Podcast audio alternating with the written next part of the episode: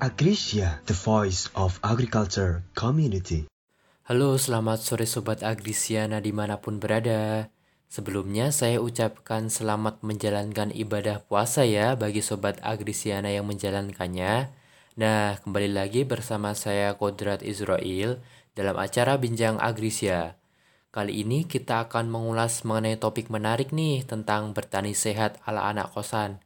Dan tentunya saya akan ditemani oleh seorang narasumber yang sudah berpengalaman dalam hal tersebut.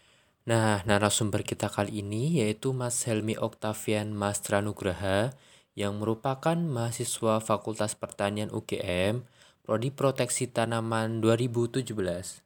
Uh, selamat sore Mas Helmi, gimana kabarnya Mas? Selamat sore Mas Israel. Alhamdulillah kabar saya baik di tengah pandemi dan puasa di sini. Alhamdulillah. Nah, Mas Helmi, saya mau nanya nih, apa sih konsep bertani sehat dari Mas Helmi ini?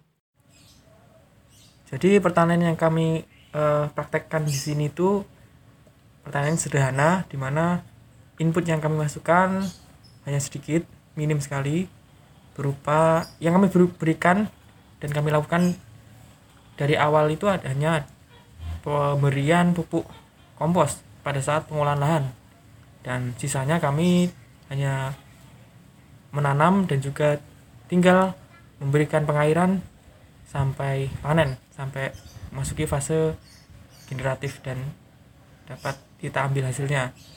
Nah ini ada ada juga sisi lain dari pertanian. Kita uh, hidup kan berdampingan dengan makhluk lain. Dalam hal ini dalam pertanian tanaman yang kita tanam tidak menutup kemungkinan akan didatangi oleh makhluk hidup lain, baik itu menguntungkan ataupun merugikan. Nah, di sini tanaman kami didatangi oleh herbivore atau yang kita sebut hama dalam sudut pandang manusia ya. Sangat antroposentris sekali. Jadi hama itu mereka sebenarnya hanya memakan sedikit untuk memenuhi kebutuhan hidup mereka sama seperti kita jadi kami membiarkan keberadaan mereka di sini. Ya ya dengan konsekuensi daun dari tanaman yang kami tanam berlubang daun sawi berlubang daun bawang berlubang daun kangkung juga berlubang. Akan tetapi ya ada suatu pahala dan ganjaran yang mana didapatkan oleh seseorang ketika tanaman yang ditanam itu dimakan oleh makhluk hidup lain yaitu yang kami yakini ya yang kami pegang sehingga tetap dibiarkan pada. Nah kalau misalnya kami melihat langsung ya kami koreksi tangan dan kami buang seperti itu Lalu bagaimana kegiatan bertani sehat yang sudah dilakukan selama di kosan nih? Di sini saya nggak sendiri ya, ada teman-teman dari pertanian yang lain dari prodi agronomi dan juga ya dari agronomi dan saya HPT jadi kami di sini memanfaatkan lahan yang uh, kurang termanfaatkan baik untuk menanam tanaman yaitu sawi, bayam dan juga kangkung. Kami menanamnya itu sudah mungkin sebulan lebih ya. Jadi ini sudah bisa dipanen. Seperti Mas dapat lihat sendiri di sana, wah, hijau sekali bisa buat bahan masakan. Apa sih yang melatar belakangi Mas Helmi untuk melakukan kegiatan bertani sehat ini? Latar belakang dari penanaman ini adalah bahwa tanah ini tidak termanfaatkan dengan baik daripada tidak dipakai, jadi kami gunakan untuk menanam atau menghasilkan sesuatu dari tanah tersebut. Kemudian selain itu kami juga ingin mengaplikasikan ilmu yang telah kami pelajari selama kuliah. Ya masa kita kuliah cuma dapat transkrip sama nilai A, B, C, D di semester. Jadi ya come on, kita mahasiswa pertanian ya juga harus bisa lah secara teknis bagaimana mem mem mem mempraktekkan dan melakukan usaha ataupun kegiatan di bidang pertanian seperti penanaman dan lanjutannya. Jadi itu. Wah, menarik sekali ya latar belakang dari Mas Helmi ini. Kemudian Mas, apa saja kesulitan atau kendala yang menyertai dalam kegiatan tersebut?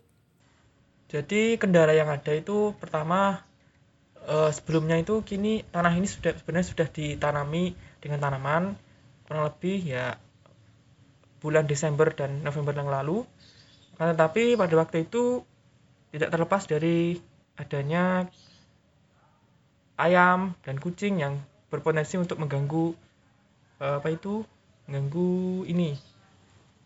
Mengganggu tanaman dan membuat tanaman rusak dan sebagainya. Nah jadi pertama-tama kami memperbaiki eh, kebun kami ini. Jadi kami membeli jaring yang kami pasang mengelilingi kebun agar hewan-hewan yang ada tadi itu tidak merusak nah kemudian yang kendala selanjutnya adalah tanah yang kami gunakan lahan yang kami gunakan ini lahan yang kurang subur ya. Dan juga di sebelah utara sana itu ya kami pakai untuk membakar sampah. Ya ini jangan ditiru ya ini kurang baik.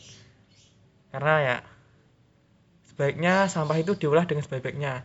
Kemudian karena tanahnya itu kurang subur dan mengandung mungkin tidak terlepas dari adanya mikroplastik dari pembakaran itu. Jadi ya itu kurang subur. Dan itu aja sih sementara ini kendalanya. Nah, eh, untuk tips-tipsnya apa nih agar dapat melakukan kegiatan tersebut di sela-sela kuliah, Mas Helmi? hmm, kalau tips dari saya sebenarnya karena ini kita tidak dituntut untuk dapat eh, meluangkan waktu banyak ya karena kita kuliah secara daring dari rumah. Jadi kita dapat mengatur waktu untuk dapat melakukan pertanian ini. Jadi yang pertama adalah eh, pikirkan dulu niatnya melakukan ini itu apa. Niat ataupun tujuan. Jadi niat dan tujuan itu bagikan iba, bahan bakar. Bahan bakar untuk sebagai sebagai bahan agar dapat terus melakukan aktivitas tersebut. Jadi kami melakukan ini untuk pertama untuk dapat mengaplikasikan ilmu yang kami pelajari di kuliah. Kemudian memanfaatkan lahan yang tidak terpakai. Dan juga sebagai pemenuh kebutuhan gizi kami dan energi kami selama di sini. Wah, sangat menginspirasi sekali ya sharing pengalaman dari Mas Helmi tadi.